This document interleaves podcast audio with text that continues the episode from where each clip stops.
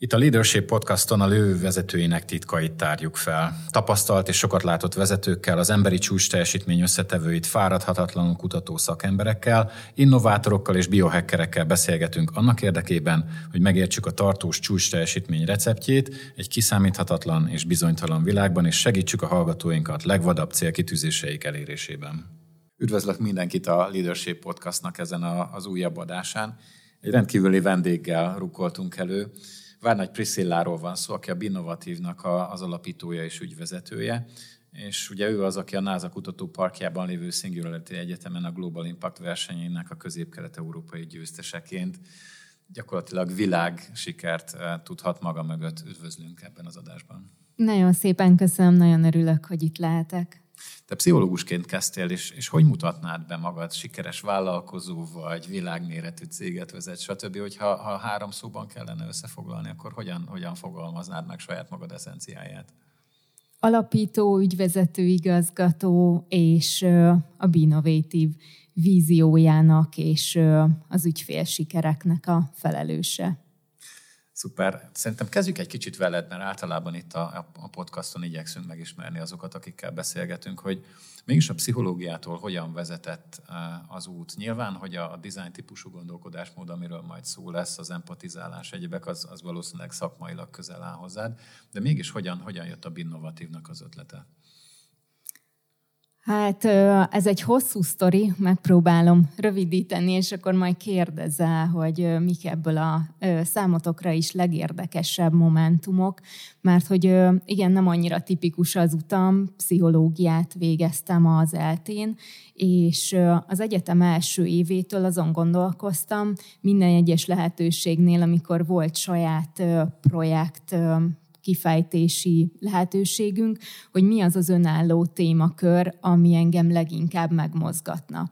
És nagyon-nagyon érdekelt, hogy a kreatív iskolák miben adnak többet a hagyományos iskoláknál, és egyáltalán ez a kreativitás fejlesztése milyen, milyen szerepe van a, az emberek további életére, jól létére, és egy kutatásban azt találtam, hogy nagyon-nagyon jelentős, sőt, talán direkt összefüggés is van a kettő között, úgyhogy én nagyon beleszerettem ebbe a témába, hogy akkor hogy lehetne hozzájárulni, hogy még több embernek adjunk lehetőséget, hogy kreatív munkakörben helyezkedjen el, vagy a nem kreatív munkaköröket, hogy lehetne úgy egy picit átalakítani, hogy mindenki kihasználja benne legalább egy kicsit a saját képességeit, javaslatait, ötleteit, és hogyan lenne lehetne akár a tanulást is kreatívabbá tenni, ami meg hozzájárul akkor ahhoz, hogy sokkal stabilabb lesz az önértékelésünk, jól létünk, és ez vezetett el ahhoz, hogy, hogy felismertem, hogy hát valójában a, az Európai Bizottságnak volt egy prioritása, ami a stabil önértékelés, kreativitás, fejlesztés kapcsolatáról szólt, és mit ad Isten az ICT, tehát infokommunikációs technológiák kategórián belül volt ez a prioritás, tehát így kezdtem el azon gondolkozni, hogy jó, akkor mi ennek a harmadik pillérnek itt a szerepe, hogy tudok valamit kitalálni, ami fut az interneten, és nagyon sok ember kreativitásának a, az ösztönzésére lesz jó. Nagyon jó, hogy ennyiszer említett ezt a, a szót, hiszen a Leadership Podcast és Szlavkai Évával indult, aki egyébként könyvet is írt a kreativitásról, és közösen együtt dolgozunk itt az MCC-n. Ő is, ő is egy kvázi kreativitáshoz köthető gyakorlati tanfolyamot hoz be a hallgatóknak, és vissza is fogunk ehhez a témához kanyarodni, de előtte hagyd kérdezem már meg, hogy, hogy hogyan jut eszébe valakinek az, hogy jelentkezik mondjuk a Singularity University-nek egy, egy kihívására? Ez, ez tudatosan készültél erre, kerested azokat a, a lehetőségeket, vagy ez csak úgy a, a, egyszer csak az öletbe csöppent, és gondoltad, hogy miért ne próbálkoznánk meg vele? Szerintem ez sokak életében ilyen is-is kategória. Akkor, amikor úgy döntöttem, hogy belefogok a Binovative-be, megalapítottam a céget, akkor azért én ott tartottam, hogy van egy pszichológiai hátterem, soha nem vezettem még céget, nincsenek ö, üzleti ö, tapasztalataim, képzettségem, sőt technológiai sincs, és nekem valami iszonyatosan gyors talpaló kellene ahhoz, hogy, hogy elhiggyem magamról, hogy megvannak azok a képességeim, amivel ilyen nagy világszintű céget lehet építeni, mert akkor már miért ne törekedjünk a legnagyobb lehetséges ambíciókra. És akkor találtam ki, hogy a legjobb lehetőség az lenne, hogy megpróbálom összetenni a Binovative-nek egy legalább vizuális prototípusát, és minél több visszajelzést szerezni onnan, ahol ez az egész innováció, kreativitás, fejlesztés világszinten, mondjuk azt, hogy a szíve és az alfája, omegája, tehát a szilíciumvölgybe akartam kimenni, és három hónap alatt a lehető legtöbb programban részt venni, hogy megismerjem az ottani gondolkodásmódot, minél több visszajelzést kapjak. Elmentem pitch eseményekre, ahol angyalbefektetőkkel vagy intézményes befektetőkkel tudtam találkozni, ők tettek föl néha keresztkérdéseket is, amik nagyon sokat segítettek a gondolkodásban, illetve Hacker Home-ban laktam, megismertem, hogy más startupok hogy működnek jól, hogy működnek nem jól, miért bukik el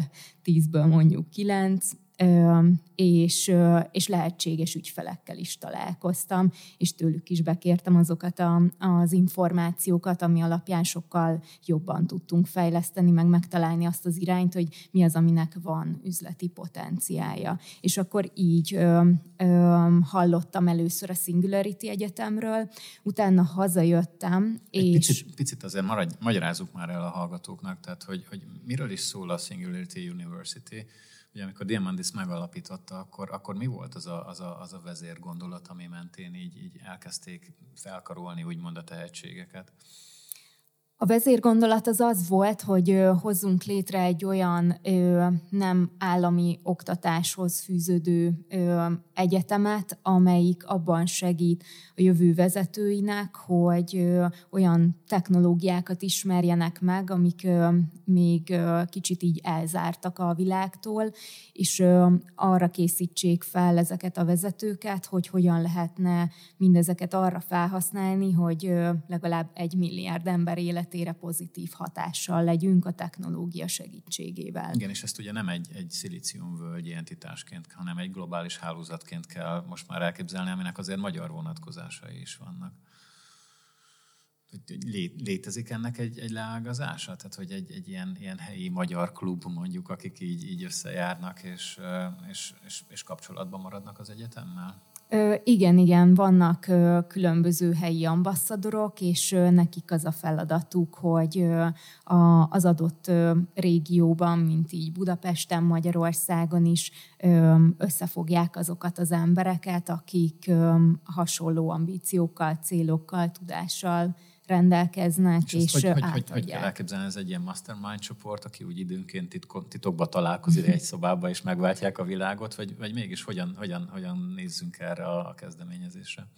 Egy kicsit azért a legtöbb innováció szerintem igen, van benne egy ilyen ö, adhok jelleg, meg ö, mm, most spontán találkozzunk, beszélgessünk, vagy hogyha nem is találkozunk, akár virtuálisan elküldjük egymásnak azokat a cikkeket, legfontosabb információkat, amiket ö, tudunk, hogy a másik is inspirálónak vagy érdekesnek fog tartani, ö, de vannak szervezett események is, amikor meghívott előadó van, illetve 2012-ben volt az első ilyen Global Impact verseny, azóta úgy tudom, hogy minden évben ezt így megszervezték, és, és lehet rá jelentkezni. Tehát, hogy innentől kezdve gyakorlatilag mindenki, aki érdeklődik, azoknak nyitott a belépés lehetősége. Itt, itt nem egy ilyen elit titkos klubról van szó, hanem, hanem állapája bárkinek, akinek van egy jó ötlete, és szeretne hasonlóképpen tovább lépni, mint ahogy te is.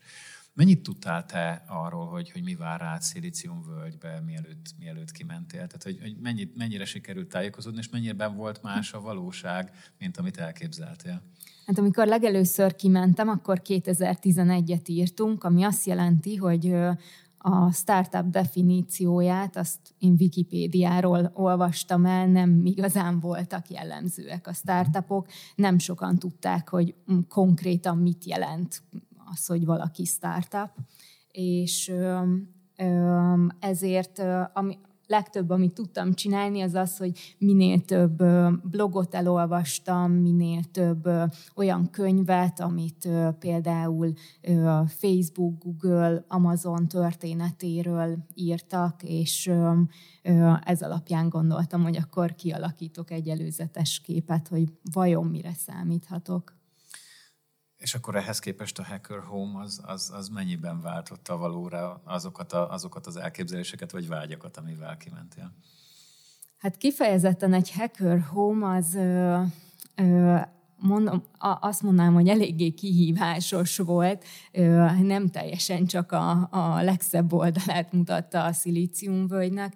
Én egy picit ott azt láttam, hogy, de ez lehet, hogy csak az a speciális hacker home volt, ahova én jutottam el, hogy oké, okay, ezek a nagy unikornisok, akikről beszélünk, ők azért egy nagyon speciális utat járnak be, általában Stanford, Harvardra járnak, nagyon ambíciózusak, és, és nagyon zárt is ö, találkoznak egymással, ö, ami persze nem jelenti azt, hogy egy kávézóban ne futhassunk össze velük, de nagyon-nagyon tudatosan szervezik a napjukat. Aki viszont egy ilyen Airbnb-ből lett Hacker Home-ba jön, azok nagyon sokan inkább ezek a spontán Carpe Diem típusú emberek voltak, akik azért csináltak startupot, mert akkor nagyon trendi volt startupot csinálni kin a Szilíciumvölgyben.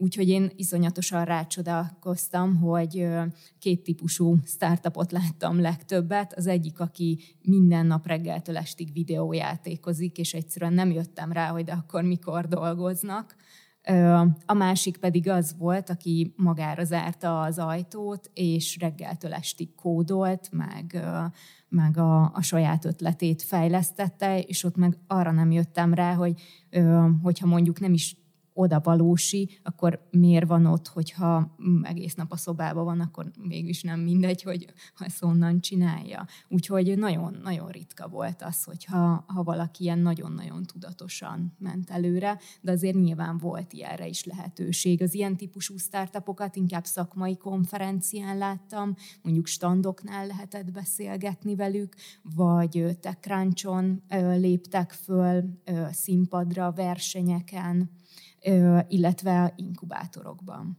Ezzel kapcsolatban két statisztikai adat jut eszembe, és akkor most próbáljunk meg egy kicsit mítoszt rombolni, és akkor vagy megerősíted, vagy meghazudtolod, amit mondok. De az egyik az, az az, hogy olvastam egy felmérést, ami szerint a startuperek azok nem, nem a Stanfordről kibukott első éves diákok, és általában nem belőlük lesz unikornis, bár egy-két filmet láthattunk ilyet, hanem az átlag életkor az 43 év, sőt Szilíciumvölgybe pedig ezt ilyen 45-46 évre mondták. Pontosan azért, mert ugye scalingelni kell ezeket a startupokat, tehát hogy fel is kell fejleszteni.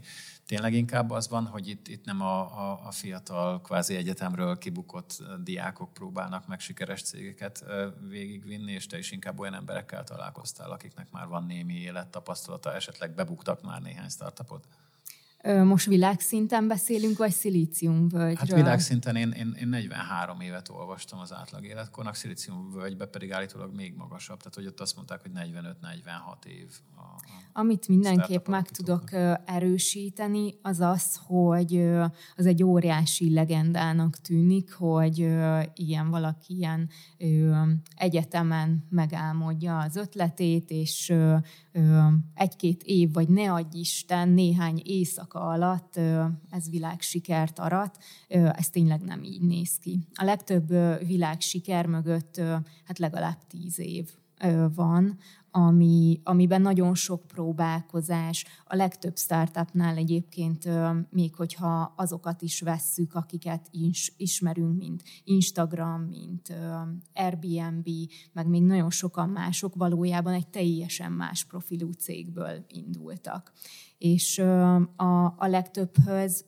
már csak a befektetéshez is kellett az, hogy a befektető ismerte már az adott egyént valamilyen korábbi cégből, vagy korábbi projektből.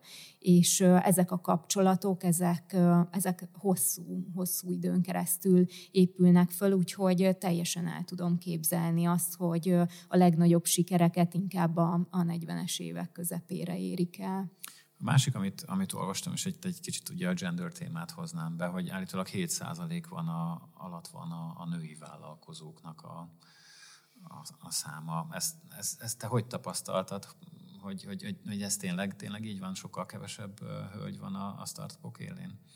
Igen, sajnos ezt én is így tapasztaltam, és ráadásul van, van még egy pár dolog, amit kicsit furcsálottam. Az egyik az, hogy hogyha örülünk is neki, hogy ó, itt egy női vállalkozó, akkor az esetek döntő többségében, tehát még az a 7%-nak a, a többsége is nagyon tipikusan csak női témákkal foglalkozik. Igen. Tehát mondjuk az, hogy egy ö, divatcéget vezet, vagy egy ö, ö, hát most nem, nem is tudok kifejezetten ennyire ilyen női témákat mondani, de ö, gyerekneveléssel kapcsolatos, vagy babysitterkedés, tehát amit kifejezetten így rágondolunk, és, és nők jutnak eszünkbe, vagy, ö, vagy sminkelés.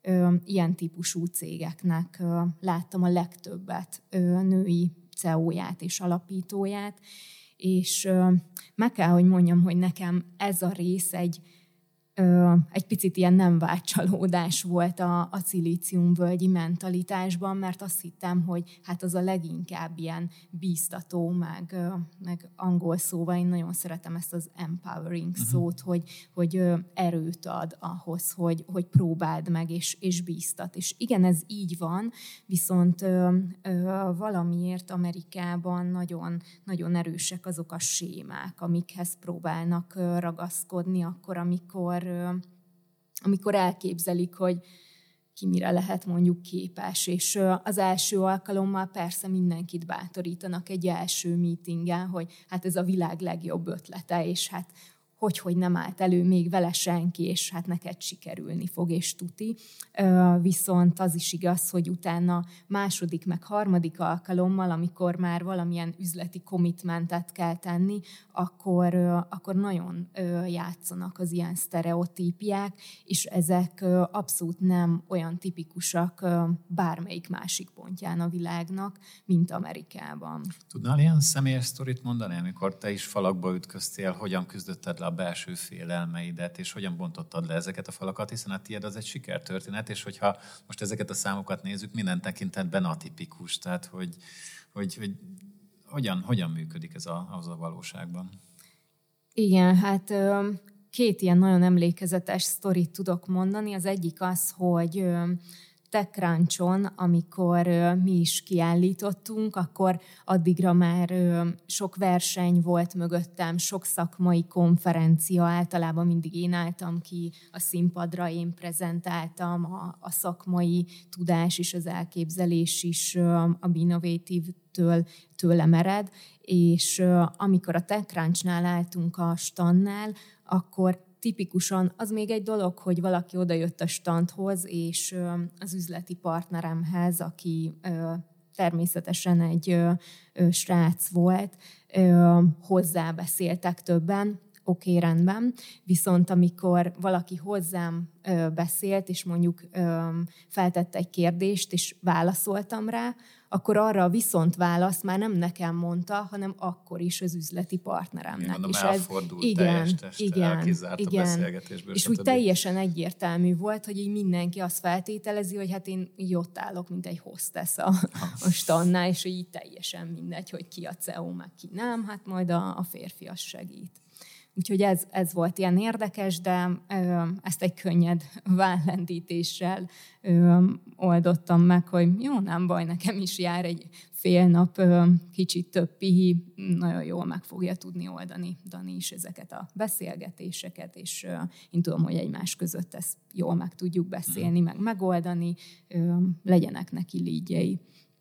A másik ilyen esemény az, az meg egy lehetséges stratégiai partnerrel való tárgyalásom volt, ahol egyébként Detto ugyanez volt, bementünk mi ketten, és ők voltak azt hiszem négyen az asztal másik oldalán, és már az elején Amerikában nagyon tipikus, hogy a minden meeting eleje a small talk és minden egyes dolog, amit én kérdeztem, neki válaszoltak, mindig vele vették föl a szemkontaktust, úgyhogy hiába készültünk arra, hogy hát a legtöbb ö, ö, ilyen stratégiai partnerrel való meetingen, befektetőkkel, nagyon nagy ügyfelekkel én szoktam a, a prezentációt vinni, akkor gyorsan meglöktem Danit, hogy figyelj, most vitte a prezentációt már. Ö, ilyennel szerintem nem én, azt gondolom, nekem ebben nagyon, nagyon sok munkám, meg önismeret, meg gondolkozás volt benne, hogy mit kezdjek egy ilyen szituációval, illetve azzal a, a dologgal is, hogy nincs sok séma arra, hogy hogy néz ki egy jó női vezető. Igen, pont ezt akartam kérdezni, hogy hiszen ez, ez ugye a Leadership podcast, hogyha mégis meg kellene fogalmazni, hogy mik voltak azok a, a, a legfontosabb mondjuk karakterjellemzők, nem is, nem is skillekről beszélnénk inkább, ami, ami felkészített téged arra, hogy, hogy át tud törni ezeket a sztereotípiákat, korlátokat, akkor ha nem is mint női vezető, de milyen vezetői tulajdonságokat emelnél ki, amikre szüksége van annak, aki, aki ilyesmire adja a fejét, vagy hasonlóra vállalkozik, mint te? Igen, hogyha ha nem baj, akkor még egy fél mondattal befejezem magát a, a sztorit, mert, mert hogy itt úgy nézett ki, hogy átadtam neki a prezentálást, viszont ami lejátszódott bennem az az, hogy az üzenet a női vállalkozók felé az az, hogy nem harcolj keményen, és hogyha így nem veled foglalkoznak, akkor legyél még keményebb, és akkor mond hangosabban, meg erőteljesebben, meg stb. És az a helyzet, hogy szerintem ez is egyfajta ilyen karaktertípus, és hogy én nem ez a típusú vezető akarok lenni. Én nem erőben akarom legyőzni a többieket, mindegy, hogy férfi vagy nő. Én saját magam szeretnék lenni, és szeretném, hogy azért tiszteljenek, ismerjenek el, érdeklődjenek az üzleti potenciál iránt, amire képesek vagyunk, és ami én vagyok, és nem az, amire így megfeszítem magam. Úgyhogy nekem az volt egy, egy nagyon nagy belátás, hogy nem kell, hogy bár a, a sok ilyen lean meg, meg szakmai női vezetői könyvek mondják, hogy lehetünk olyanok, mint a férfiak, mint vezetők, nem kell olyannak lenni, mint a férfiak. Nagyon sok olyan női karakter van mindenkinek saját magában, ami erősség lehet vezetés szempontjából. Nekem teljesen más vezetői erősségeim vannak, mint amiket tipikusan egy, egy férfias vezetőnél ismerünk el, és ahogy visszahallottam a csapatban, ezek is óriási hozzáadott értékkel rendelkeznek számukra. Az egyik például az empátia, hogy be tudok vonni mindenkit a döntésbe, és szeretem is, hogy igen, én hozok egy javaslatot, vannak elképzeléseim, megtervezem a célokat, de nem azt mondom, hogy már pedig ez van, akinek tetszik, tetszik aki nem, az meg álljon föl és menjen el, mert úgyis én tudom jobban, hanem challenge meg, tegyetek föl kérdéseket, tegyetek hozzá. Ha valaki meg tudja fordítani az én gondolkodásomat, akkor tegye, csak legyen egy logikus szakmai párbeszéd. És ez az empátia egyébként pont a design gondolkodásnak is a, az egyik fő pillére, vagy az első eleme, úgyhogy ezért is szeretem annyira ezt a módszertant, meg hát nem is véletlen, hogy pszichológus vagyok, tehát én szerintem az is egy nagyon jó női karakter, hogy segítünk mindenkiből a leg, legjobbat kihozni. Az, hogy, hogy nem feltétlen egy egyedülálló ember lesz az, aki egy cégnek a sikerét hozza, hanem ez egy csapatmunka. És hogy lehet mindenkinek úgy passzolni a labdát, hogy, hogy a lehető legjobbat és legtöbbet tudja kihozni magából, meg együtt a csapatból is. Nagyon köszönöm, én úgy gondolom, hogy ezek mindegyik nagyon fontos üzenet. És egy kicsit térjünk rá magára a Binovatívra. Ugye egy intelligens, intuitív kezelőfelületről beszélünk, amely a részvevőket, ahogyan mondtad, segíti abban, hogy, hogy, hogy hogyan ösztönözzék saját magukat, illetve a csapatukat az ötleteknek a kidolgozására. Miben van az értékajánlat? Tehát, hogy miben másabb innovatív, mint, mint, mint hasonló más szoftverek esetleg a piacon? Mi nagyon, a, ahogy már említettem, a design thinking vagy design gondolkodás módszertanára építjük fel azt, hogy hogy lehet közösen kreatívan problémákat megoldani. Mert problémák jöhetnek nem is csak a szó tradicionális értelmébe, tehát nem valami gondról beszélünk, hanem akár olyan lehetőségekről, témákról, amit megoldva, meg amire egy jó választ találva, vagy akár több jó választ találva, együtt jobban fejlődünk, gyorsabban fejlődünk, hatékonyabban fejlődünk, és ez konstans gondolkozást jelent. Hogyha jól értem itt, akkor, akkor itt arról van szó, hogy itt nem is az ötlet a fontos, és megint ugye akkor egy kis mitoszrombolásba mennénk bele, hiszen ötletekkel úgymond tele van a padlás, hanem az ötlet megvalósításában segít az embereknek, hogy hogyan jutunk el a, a, az első konkrét lépésig, amikor esetleg valaki már be is fektet abba az ötletbe, amivel így a fejünkben mászkáltunk. Igen, ha nem baj, akkor lehet, hogy még egy icipicit ezt a mítoszt is rombolnám. Szerintem nem is csak a megvalósítás, hanem, hanem a kérdés a fontos.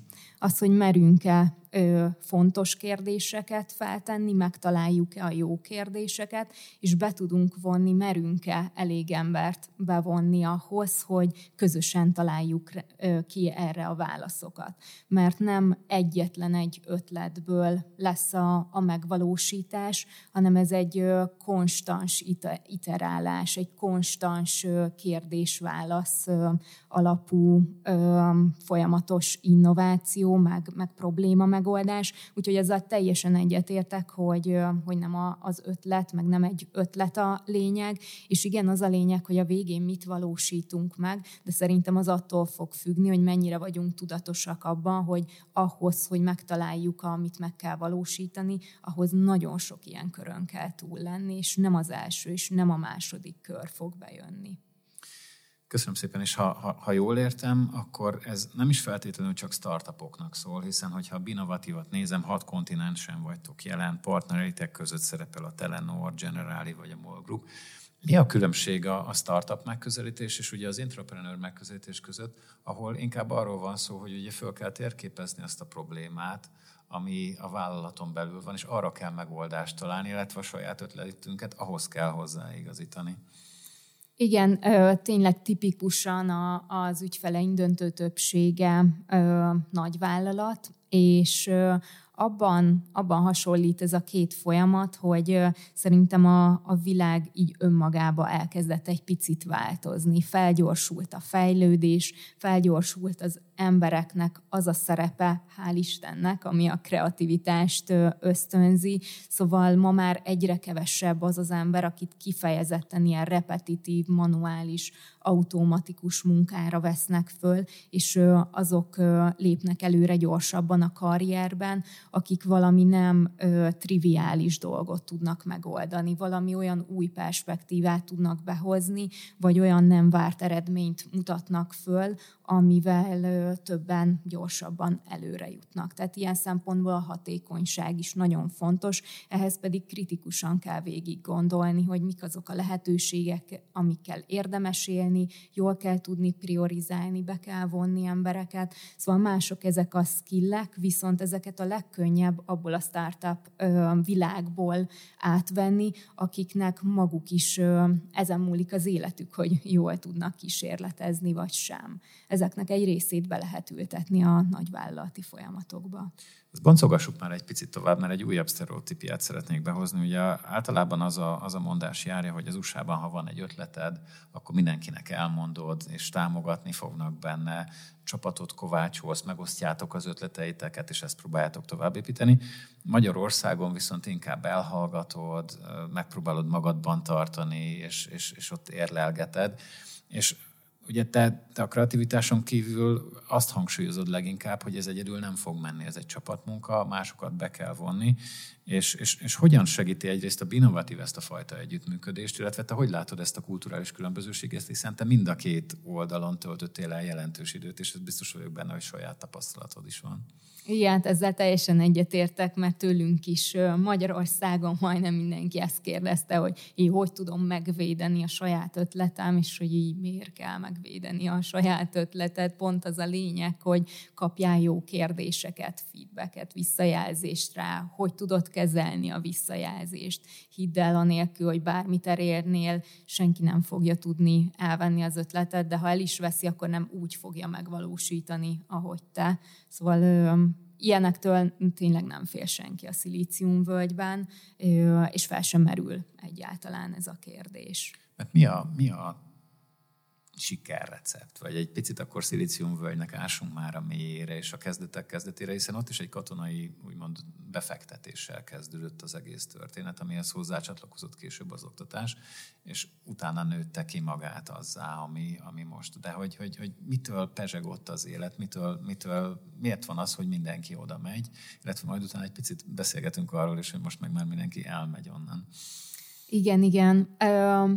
Hát a, a kezdet-kezdetén szerintem nagyon jól alakult ki az, hogy, hogy egy olyan kapcsolódási rendszer alakult ki, hogy a sok különböző perspektívák először tudtak egymással találkozni, és újfajta megoldásokon gondolkozni. Tehát, hogy ugye akár a, a mikrocsipek világában, akár bármilyen technológiai innovációról volt szó, nagyon könnyű volt a szakértőket bevonni, nagyon nyitottak voltak a nagyvállalatok az egyetemekkel való közös munkára, gyakornokoknak nagyon nagy feladatokat adtak, és, és arra is nyitottak voltak, hogy mondjuk kávézóban teljesen normális volt, hogyha hallottam egy inspiráló beszélgetést, ezt például én magam is rendszeresen kihasználtam, mert ez egy tök jó dolognak tartottam. Mellettem lévő asztalnál tök izgalmas volt a beszélgetés, simán bele lehet szólni, és akkor bemutatkozol, és akkor jaj, de jó, hogy megismerjük egymást, itt a névjegyem, nagyon sok ügyfél találkozó is lett ilyenekből később. Tehát egyfajta ilyen nagyon nyit nyitott gondolkodás. Ezt Budapesten a Frey Caféban Igen. tudom elképzelni. Nem, de mondjuk egy ilyen pilvax időszakban én teljesen hmm. Petőfi korában el tudnám ezt képzelni itt a forradalom idején. Magyarországon. megint csak egy adatot behozva, hogy a hallgatók is el tudják képzelni, hogy, hogy, hogy micsoda óriási tőke befektetésekről beszélünk. Én még ugye a Pentagonban, amikor 2017-ben dolgoztam, akkor abban az évben 72 milliárd dollárt költött kutatásfejlesztésre csak az amerikai haderő és ez egy óriási összeg, viszont én akkor döbbentem le, amikor rájöttem, hogy ennek a négyszeresét kockázati tőke befektetők egy év alatt kvázi kiosztották a startupok között a, a, a szilíciumvölgybe, és ez nem véletlen, hogy a Pentagon ebben az időszakban telepít le oda egy úgynevezett Defense Innovation Unitot, hogy megnézze, hogy mi, a, mi az Istennyila történik ott, ahol, ahol ekkora ötletbőrze van, hogy így fogalmazzunk. Igen, abszolút te, teljesen egyetértek, tehát minél több szereplő, minél több ö, ö, ipar, minél több szakértőnek a, a közös gondolkodása kellett ehhez, illetve szerintem ö, elég sokat köszönhet ez a régió magának a, a design thinking ö, kialakításának, és az, hogy rájöttek arra, folyamatosan figyelték, hogy vajon a siker az minek köszönhető, és hogy lehetne ezt megfogni módszerekben, meg, meg mi az, amit egymásnak is tudunk adni, mint, mint jó tapasztalat, és hamar rájöttek arra, hogy ez a visszajelzés, meg az, hogy megpróbáljuk tudatosítani, hogy mi az az érték, amit a legvégén szeretnénk nyújtani a folyamatnak, ezzel kell kezdeni az egészet. És hogyha az biztos, hogy megfoghatóan tudjuk elmondani, ábrázolni, hogy mi ez az érték, amit akarunk nyújtani, honnan, hova szeretnénk elvezetni a, a cél perszónánkat, vagy azt, a, azt az embert, akinek a megoldás szánjuk, akkor utána már bele lehet fogni abba, hogy akkor kis csoportokat alakítunk, és ők mindig csak az adott problémával foglalkoznak, és így tudnak a folyamatos visszajelzések kapcsán folyamatosan egyre inkább javítani ezen a megoldáson. Nagyon jó, viszont azt is eh, hallani mostanában, hogy inkább elvándorolnak az emberek szilíciumvölgyből. Erről tudnál egy kicsit mesélni?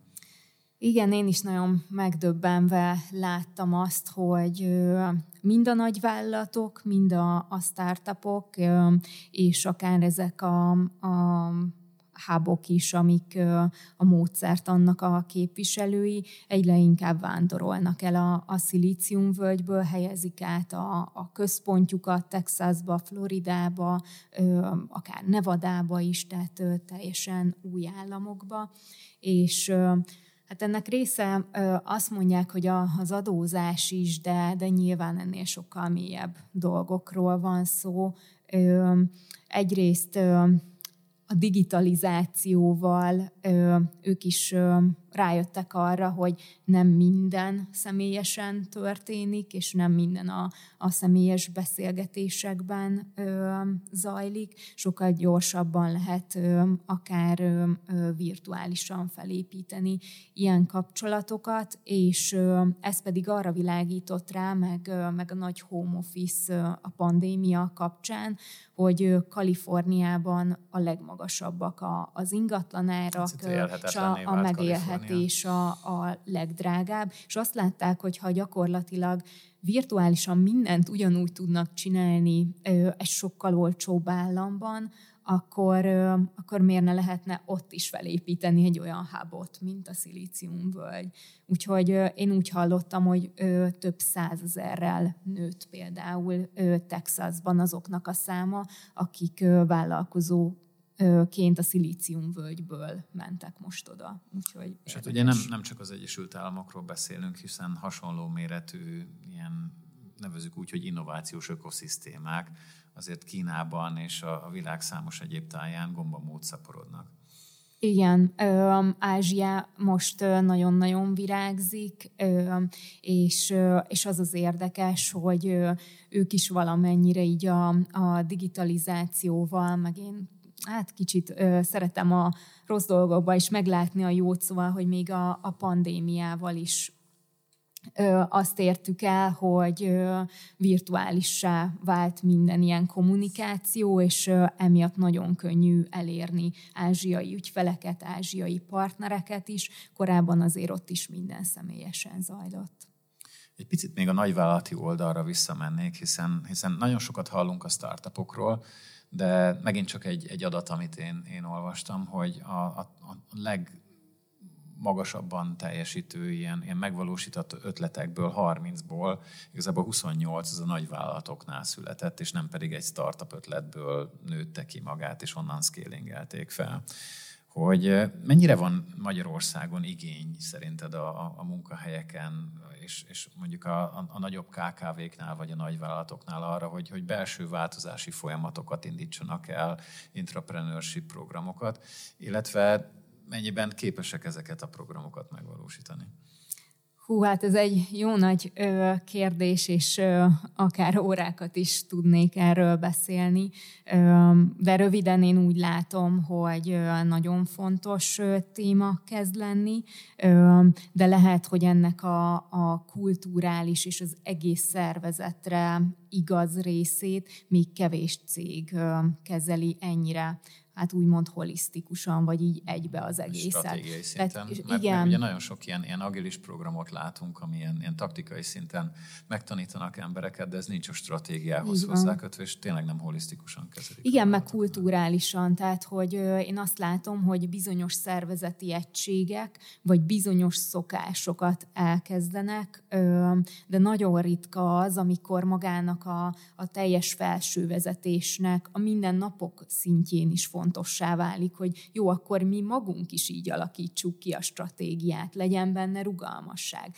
legyen rugalmasság az erőforrások elosztásában, adjunk lehetőséget nem csak arra, hogy egy talent programon valaki elmondja a tuti ötletet és díjazzuk a, a legjobb innovációval, hanem mi lesz utána az a folyamat, amiben mindenki folyamatosan tud segíteni ennek a csapatnak, hogy minél hamarabb elkészüljön ez az ötlet. Vagy hogyha startupokat inkubálnak kívülről, akkor is nem, nem mindenki látja még, hogy nem arról van szó, hogy megtaláltam a jó startupot, és akkor örülünk neki, hogy ő bennük nagy a potenciál, és befektetünk, hanem, hanem az a folyamat, amivel beillesztjük a, a startupot a, a mindennapi portfólióba. És ez egy kemény... kulturális igen, külön, különbségek igen. vannak. És hogyan tud, így, így záró kérdésként, hogyan, hogyan tud a innovatív ebben segíteni a nagyvállalatoknak, vagy akár tényleg csak azoknak, akiknek van egy, van egy ötletük? Hogyan, hogyan léphetnek kapcsolatba veletek, illetve mi az az értékajánlat, amit meg tudsz fogalmazni számukra? A Binovatívben azt szokták szeretni, hogy digitálisan leképeztük a, a design thinkingnek azt a folyamatát, amire nagyon könnyű úgy hagyatkozni, hogy a legvalószínűbben, hogyha egy ilyen folyamatban megy végig nagyon sok ember azon, hogy hogy lehet megtalálni egyáltalán a jó problémát, bevonni ötleteket, kezelni a visszajelzéseket, megmutatni a prototípusokat, kifejteni ezt egy projektjavaslatként, és ezeket folyamatos iterációkban mindig transzparensen tartani, hogy hol tartanak ezek az adott kezdeményezések akkor ö, általában az szokott történni, hogy bár ezt mondjuk egy szervezeti egység elkezdi, ez lehet akár folyamatfejlesztés, termékfejlesztés, akár üzletfejlesztés területén, hogy milyen új piaci potenciálokat tudunk azonosítani, lehet stratégiai szinten, vagy a HR szintjén is, hogy hogy legyen bevonóbb, elkötelezőbb a, a munkahelyünk, és utána, akiket bevontak ebbe a folyamatba, ez lehet akár 50-100 vagy több száz ember is, mindig szokott lenni lenni olyan, aki azt mondja, hogy ó, hát ezt az én saját területemen is milyen jól fel tudom használni. És amikor van elég sok fecske, akkor ők tudnak kulturális változást is elérni, és addig meg lesz nagyon sok sikersztori, amire tudnak hagyatkozni. És digitálisan sokkal könnyebb mindig ezekbe csatlakozni, sokkal könnyebb ezeket átláthatóan kezelni. Én nagyon örülök neki, hogy egy, egy ilyen sikersztorinak az alapítójával sikerült ma beszélnünk. Hiszen az innovációról úgy gondoljuk mi magyarok, hogy a, a gényeinkben van, ugye húzalozva van az agyunk rá, és amikor ilyenekről hallunk, mint Prezi, Prezi Ustream, LogMeIn, Navingo, én úgy gondolom, hogy Binovative-et is nyugodtan ezek közé sorolhatjuk. Nagyon szépen köszönöm, hogy itt voltál ma, és megosztottad a gondolataidat velünk. Várnagy Priscillát hallottátok a Leadership Podcaston. Én is nagyon szépen köszönöm.